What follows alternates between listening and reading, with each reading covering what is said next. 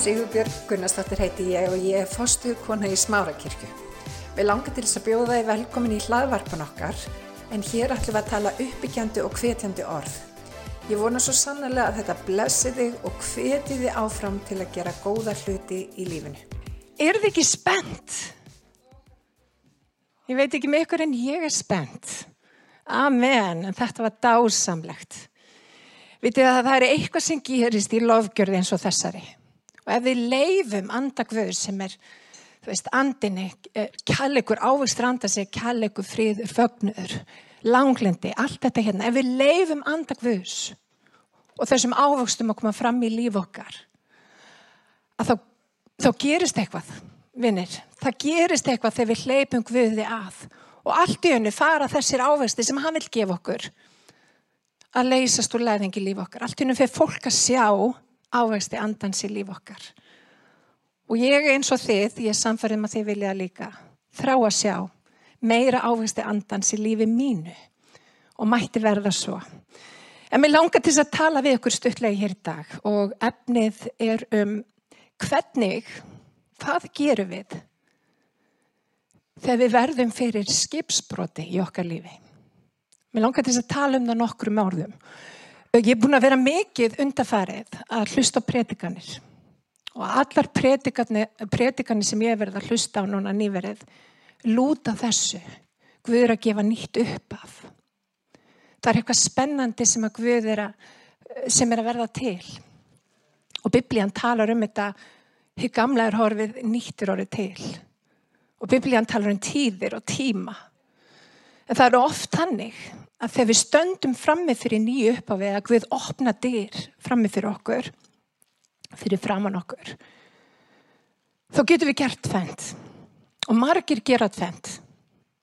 Það er annarkort að horfa dyrnar, sjá mögulega tækifæri, en eru varkarur og stíð ekkert endilega inn. Það er endalist þessi möguleika fyrir fram að viðkomandi, En það er okkar vinir að stíga inn þegar Guð opna dittnar, ekki satt. Og það getur verið margar ástæði fyrir því að við þórum ekki að stíga inn. Það getur verið fyrirverandi sásöki eða eitthvað svona sem heldur aftur okkur sem hefur ég byrjað tekið getun okkar að vera hugrökk. Og fyrir þetta ár þá baði ég Guð um hugrekki. Ég sagði ég vil meira af hugrekki, ég vil ekki bara sjá dittnar sem að standa fyrir fram en ég ætla að ég ætla að ganga inn um dittnar. Og vinnir, ég vona það að það sé bæn okkar allra. Að við sjáum ekki bara tækifæri en held að við göngum inn um þau. En svo er það annar hópi fólks, ég tala um, það er tvent sem við kunum gert. Sumir ganga inn um dittnar með djörfung, komin inn í eitthvað nýtt. Svo allt henni skellur á eitthvað veggur. Hefur einhver upplifað það að vera stígin í eitthvað nýtt.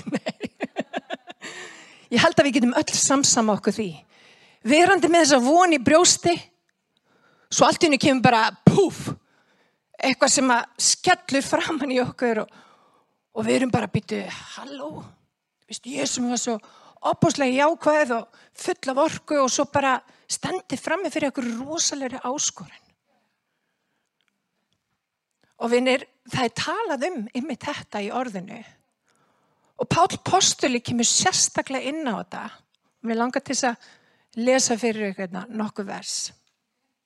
Og það er Pál að tala. Og það stendur í fyrra þessu lóningubrefi í öðrum kapla í 17. versi en, en ég, bræður og sýstur, sem um stundasakir hefur í skilin frá ykkur að líkamánu til en ekki í huganum hef þráð ykkur mjög og gert mér allt far um að fá að sjá ykkur aftur. Þess vegna ætlaði ég að koma til ykkar, ég Pál, oftar en einu sinni, en Satan hefur hamlaði. Mér finnst þetta mjög áhugavert vers. Það, það er ekki bara við, þetta venjulega fólk sem lendir í eitthvað svona hindrun mjög okkar lífi. Pál Postel var það. En mér langar til þess að fara svolítið í það hvernig Pál leisti úr þessum áskoranum sem að sóta að honum. Og þetta orð, hamlað, sem að kemur fram í þessu versi, það þýðir tvent. Það hefur tvær merkingar. Önnur þýðir skipsbrot. Það geta allir orði fyrir einhverju, skyndilegu. Ég meina, halló, COVID. Skyndilegt. Og margir upplifið eitthvað skonar jafnvel veikindi eða fjárhanslega erfileika skipsbrot. Eitthvað utanákomandi sem að þú ræður bara ekki við. Og það bara breytir öllum áallunum. En þýðir það að Guðs áallun ná ekki fram að ganga? Nei. Það þýðir það bara alls ekki. Önnur þýðingin á þessu orði má líka við uh, íþróttamann sem er að hlaupa, hlaupa eftir brautinni og allt í hennu kemur upp á hann með einhver annar sem að olbúar hann út. Og það getur lífið líka gert. Ég var allavega orðið, orðið fyrir því að fólk hefur jáfnvel reynda að olbúa mig út á þeim vegi sem að Guði hefur ætlað mér að fara. Og ég er alveg samfærið um það að við öll, ef við skoðum það í okkar hjarta, við höfum öll upplegað þetta með einhverjum hætti. Að vera olbúið út. En vinir, hvað gerum við þegar við lendum í skipsbroti? Eða kringustæðnur, eða fólk kringum okkur, olbúar okkur út af veginum þannig við missum okkar sess og við komum í markið setna en við höfum uppaflega áallat. Hvað gerum við? Langar ykkur að vita? við langar nefnilega til að fara í orð hérna í, í reyningunum þar sem að það kemur svo skýrt fram hvað við eigum að gera í þessum kringstæfinir. Og þetta er ekki bara þú, ekki bara ég, allir, allir upplifa eitthvað svona skipsbrot í þeirra lífi. Og málið er ekki endilega áfallið sem við lendum í, heldur viðbröð okkar við áfallinu sem við lendum í. Og þar við biblían, þar vil Guð kenna okkur tækni til þess að halda áfram göngunni. Má ég heyra að menn? Og Pál, þegar hann komst í trúar, þá fekk hann orð frá Guði. Hann myndi predika fagnæðarinandi fyrir gýðingum já, en fyrir heiðingjum líka. Þeir sem er bjögg upp á heiðum. Heiðingjar er ekkert slæmt orð, bara þannig að því sé haldið til haga. En hann fekk líka orð frá Guði að hann myndi ná eirum hæstur á þanda. Fólk sem að væri í áhrifastöðum og hann myndi ná eirum þeirra og búða fagnahærindið.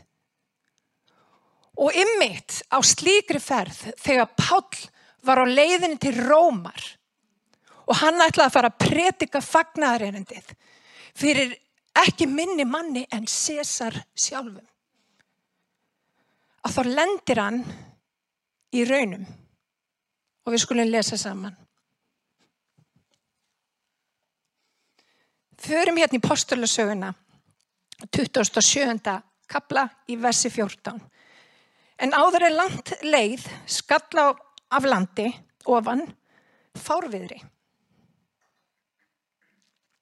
Hinn yllræmdi landnyrðingur, ég get ekki eins og sagt þetta, landnyrðingur, hættulegasta og þetta er hættulegasta, var hættulegasta óveð, óveður sem geysaði á þessum slóðum, cirka einu svona ári. Og fólk sem var á skipi þegar þessi landnyrðingur geysaði komst yfirleitt ekki höfn. Þetta var svo alvarlegur uh, vindur, fárviðri og Pál var svo heppin, svo lánsamur, að þegar hann var að gera vilja Guðs, var á leiðinni til Rómar, fer í bát með fullt af öðru fólki, þá skellur á þessi stormur. Þeir byrju á því að stranda okkur eigi sem heiti Káta og gáttu með naumundum bjarga bátnum frá því að verðað yngu. Sett á flót aftur og svaðilförin hún kjælt áfram. Og í versi 21 þá stendur Nú hafði mig lengi einskis matar neitt. Þá stó Páll upp meðan þeirra og mælti Góðir menn, þið hefðu ótt að hlýta mínu ráði og leggja ekki út frá krít. Ég hefði sagt það sama ef að Guð hefði gefið mér þetta. Ég hefði sagt ég vissi betur. það hefði komist hjá hrakningum þessum og tjóni. En nú hvet ég ykkur til að vera vonglaðir því engin ykkar mun týna lífi. En skipið mun farast. Því á þessari nóttu stóð hjá mér engil guðs sem ég heyri til og þjóna og mælti óttast þú eigi pál fyrir keisaran átt að koma. Guð hefur gefið þér alla þá sem þér eru samskipa. Verið því vonglaði góði menn, ég treysti Guði að svo minni fara sem við mig hefur verið mælt. Okkur minn ber upp á, á einhverja eigu. Guð hafði áhallun en Pál hafði í rauninni ekki hugmyndum hvað beigðans á leiðinni í þessari áhallun. Og er það ekki oft hannig með okkur? Það eru alls konar hluti sem að rata upp á í veg okkar. Og vinni það er svo mikilvægt að láta það ekki hrekja sig af leiðinni, tilgangnum. Til hvers er ég hér? Og þetta var 14 daga rakning sem að í rauninni þeir voru að berjast fyrir lífi sínu. Þeir hendu innan stokksmunum fyrir borð og voru bara að reyna að komast af. Þessi stormið ætla aldrei að slota. Og loksins, vinnir, sáu þeir til hafnar. Loksins, eftir 14 daga þar sem að engi var búin að borða neitt og það verist öll von úti. Hugsið ykkur. Veist, Páll á leiðinni að tala við César í fullkomnu vilja Guðs og hann er bara að berjast fyrir lífi sínu. Hann er bara raunverulega að berjast fyrir lífi sínu.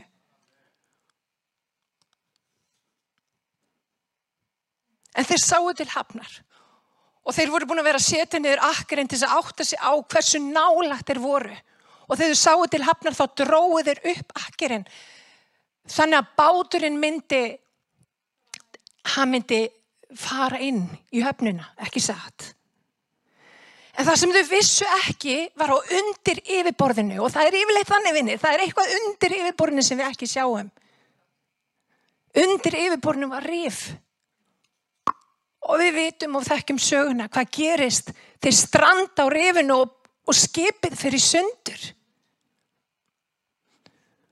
Og hundrashöfðingin hann kallar út, þeir sem að geta synd, syndiði, bjargiði líf ekkar, syndiði eins og þið getið í átta eini, eh, sem, að, sem þið sjáuði landinu. Og hann saði við hinn að takiði innanstokksmunin og haldið í þá. Og það mun ber ykkur upp á fjöru. Og þeir sem að finna ekki innanstokksmunin, takiði bara bit úr bátnum, haldið ykkur. Og vinnir, hvað gerist? Hvað gerist fyrir trún okkar þegar hún upplifir skipsbrott?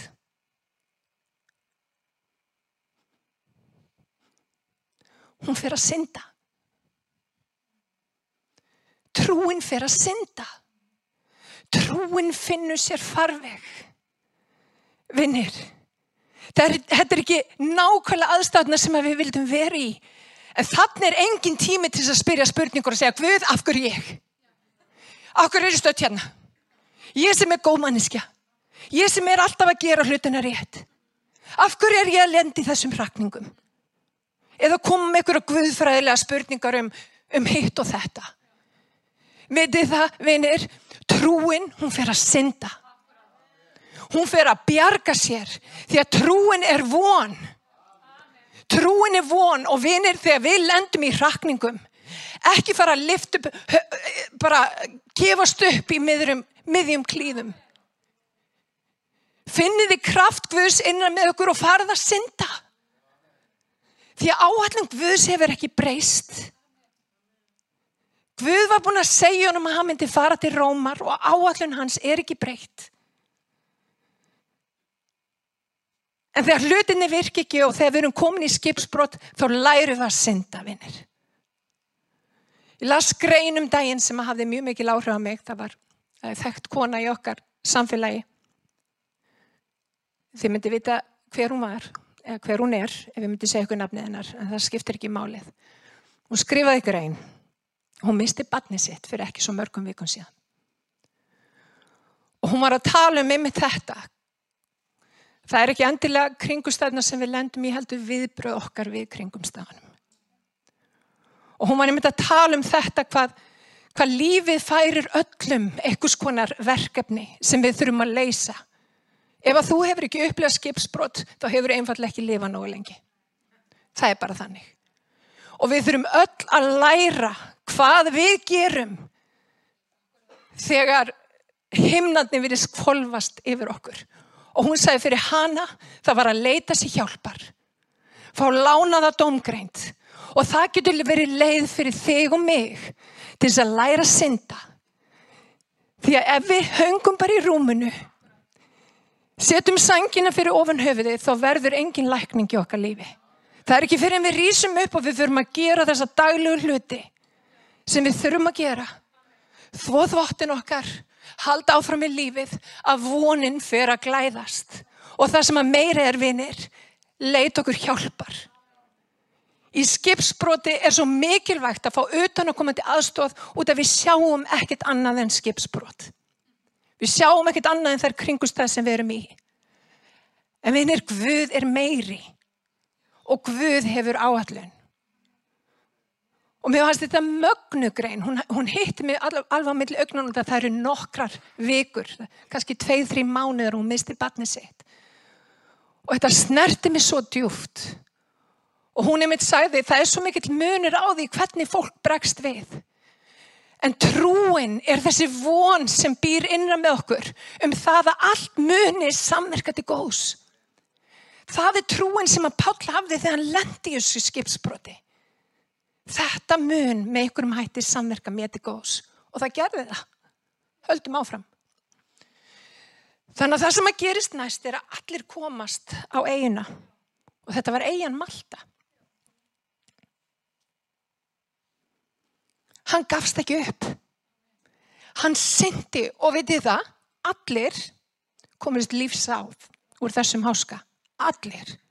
Orðið sem að Páll hafi fengið stóst 100%. En það sem að tók við á möldu var ekki betra. Svo ég haldi áfram að uppar ykkur. Nákvæmlega. Það sem að tók við var bara kuld og trekkur. Svo bara fór að regna. Þannig að þeim var skýt kallt. Og vinir, hvað gerir trúin þegar hann er skýt kallt? Hvað gerir hún? Hún byggir eld. Hún byggir eld. Og vinir, við þurfum að læra að kveika eld innan með okkur sjálfum. Að minna okkur á hver við erum og hver Guð er. Og ég er alveg samfarið um það að þegar Pál var að synda í land og þá hefur hann minnst þess sem að Guð sagði hann mun hitta César og stundum þurfum að minnast þess sem að Guð hefur talað yfir líf okkar og hægt að trúa þessum kringustæði sem við erum í. Því að þær eru stærri. Það er meira þarna sem er að gera sem að Guð er að verka í okkur sem að við höfum engan skilling á. En þeir koma hérna eiginni Það er kuldi og trekkur og það byrjar að rigna. Þannig að þeir flýta sér og Páll þar með talin flýta sér að, að sapna sama greinum til þess að, að búa til eld og hann er að sapna greinum saman og veitir hvað gerist? Hann er bitin af höggurmi. Róum okkur í gleðinni hvað þetta er hræðileg saga. Hann er nýbúin að lifa skipsbróti, ég veit ekki hvað og hvað og hvað og það eru eigaskeggjar sem að verða að vitna þessu og horfa á þetta. Og þeir bara, ég minn, þessi maður hlýtur að vera eitthvað morðingi eða eitthvað. Þú veist, það bara kemur bara svona fyrir eitthvað hræðilegt fólk. Og það er alveg, bibljan talar um það. Þeir, þeir eru alveg bara, þeir eru að hugsa þetta. En hvað gerir trúin þegar hún er bitin að snák? Hvað gerir trú þegar hún er bitin að snák? Hún hristir af sér snákin. Og það stendur í rítningunum, það stendur í íslensku þýðingun að hann hafi hrind af sér snákum, snáknum inn í eldin. En í grunnþýðingunni stendur violently, hann hristi af sér snákin violently af ofsa. Og vinir, það er fólk sem er að hlusta málmiðt, sem hefur orði fyrir biti.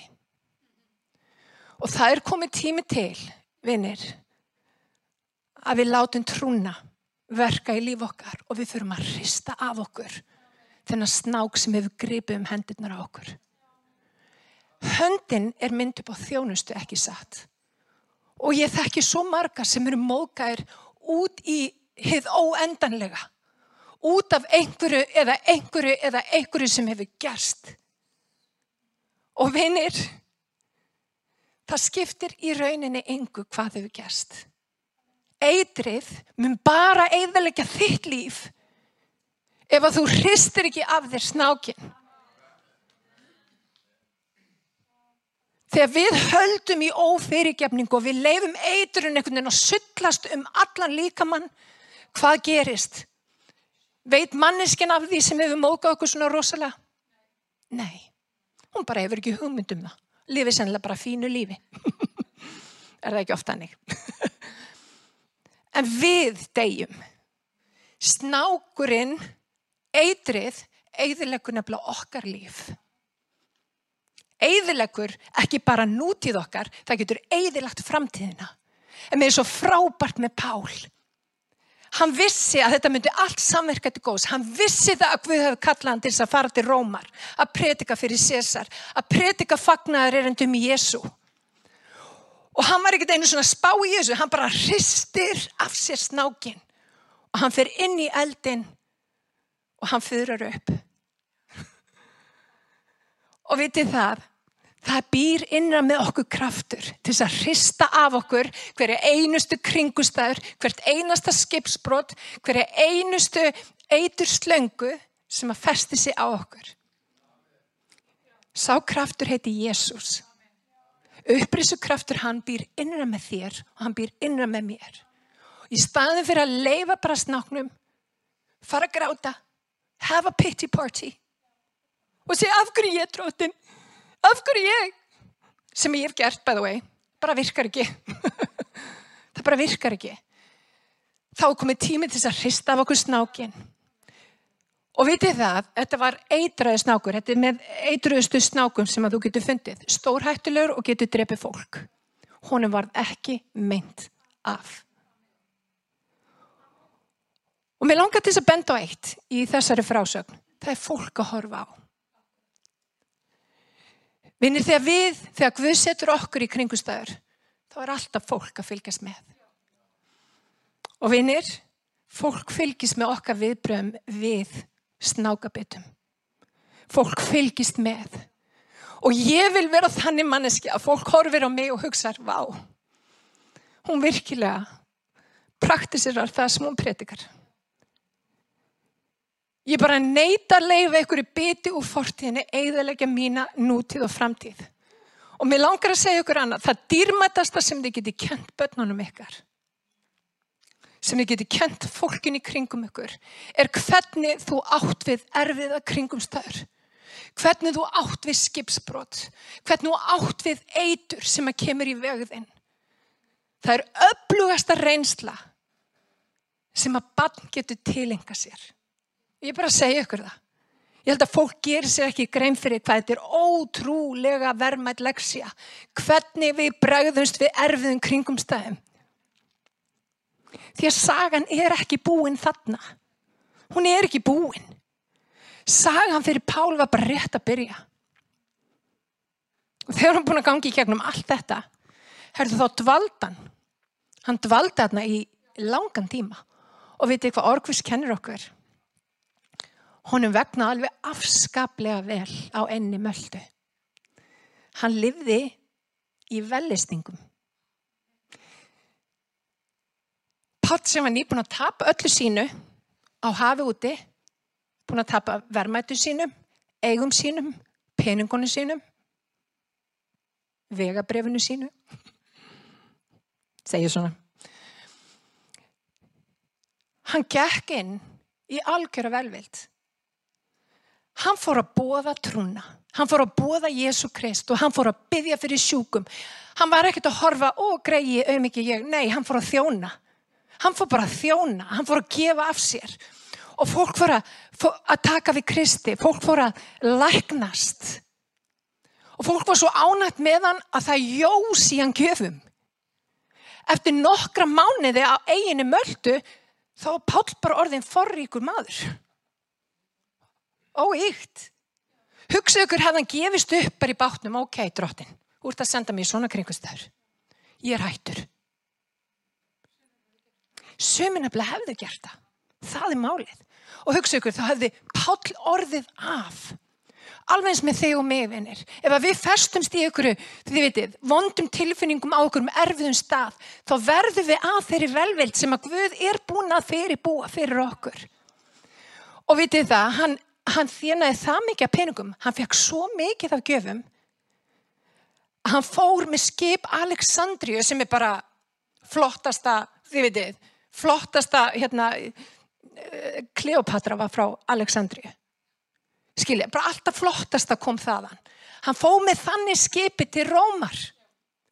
Og veitir, hann gæti leikt hús í Róm. Þetta er eins og að leia hús á Manhattan. Þið getið ímyndu ykkur hvað þetta var dýrt. Róma bara the place to be skilji, og hann leiði risahús í tvö ár fyrir það sem hann hafði fengið á henni möldu finnst ykkur þetta ekki skemmtilegt? Hvað er Guð að segja okkur? Hann er að segja ekki gefast upp í miðri á. Ekki gefast upp þóttu verði fyrir skipsbroti Ekki gefast upp þóttu verði fyrir snákabiti. Mundu hver þú ert, mundu hver hefur kallað þig og mundu það að í þér býr eitthvað sem getur komist úr þessum kringumstæður yfir í næstu. Og við vitum hvað sagan segir. Hann fer til Rómar. Hann býr þar. Hann býr eins og kongur í Róm. Ég heyri ekkert mikið um svona breytikanir en, en hérna, það var þannig. Hann hafði það rosalega gott. Hann fer úr þessum erfiðu kringustam og hvað gerir Guð? Hvað gerir Guð þegar við stöndum okkur í kringustafn? Hann liftur okkur upp. Hann liftur okkur upp. Hann er með þetta. Hann er með þetta allt saman. Við þurfum ekki að hafa nokkrar áhyggjur. Og hann fyrir fram fyrir César og hann predika fagnaðurinn um Jésu. Og hann meiri sig að býður fólki heim til sín. Það er svo stórt heimil að hann getur haldið sangkomur heima hjá sér. Þannig þið getur ímyndað ykkur hvernig hann bjó. En vinir, svona bregðust við áskorum lífsins. Hvað gerir trúin? Þegar erfileika stæði að hvað gerir trúin? Hún trúi því að allt mun samverka til góðs og hún heldur áfram. Þannig í dag Ef að þú hefur orðið fyrir skipsbroti, ef að þú hefur gengið í gegnum ósangjarna kringumstöður, velkomin í hópin. And just keep on walking. Það er bara þannig. Halda áfram að synda, búði til eld, hrista af þið snákin og haldu áfram. Og þetta er orð mitt til ykkar í dag. Ég vona þið hafi lært eitthvað. Amen.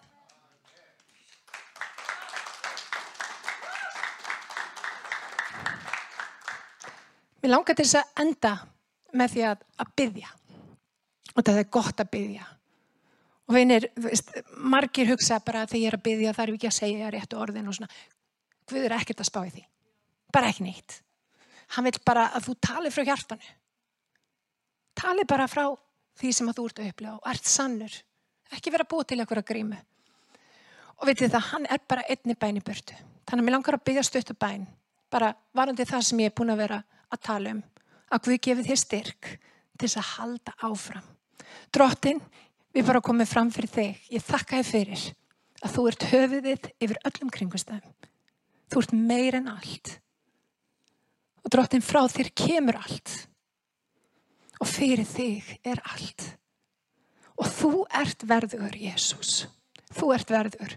Og ég byrði drottin, allir sem er að heyra mál mitt og er að gangi gegnum eitthvað skonar hluti, að við látum það ekki stoppa okkur. Að við höldum áfram göngunum með þér. Að við höldum áfram fullviss í voninni, brennandi í andanum og trúni. Vitandi það að við munum lifa en ekki degja. Okkur mun vegna vel, dróttin minn, á þeirri vegferð sem við erum með þér. Og dróttin ég byrð, dróttin að þú gefur fólki náð til að sleppa því sem að bakjar og seilast eftir því sem framöndan er. Til velunana, dróttin minn, í Jésu nafni. Mér langar til þess að byggja, ef að þú þekkir ekki Jésu, þá langar mér til þess að gefa þið tækifæra á kynastónum og hann er bara einni bæni burtu. Biblían segir, ef þú trúir með hjartanu og játar með vörunum að Jésús er drottin, þá myndu hólpin verða. Þetta er svo einfalt. Þannig að mér langar til þess að byggja og ég byggjum að hafa bæninu upp eftir mér og hún er svona, kæri Jésús. Ég byggjum að komin í hjarta mitt í dag. Ég byggjum að fylla mig af þínum heila anda.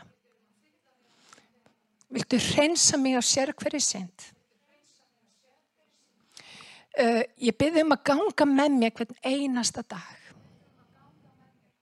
Ég ger því að drottn og frelsara. Drottin Jésús, ég þakka þér að ég er nú þitt barn. Í Jésú heila nafni. Amen og amen. Amen. Drottin bless ykkur. Ég hveti til þess að stilla inn á okkur með reglum hætti því að hér verður alltaf eitthvað nýtt á nálinni. Takk fyrir að hlusta.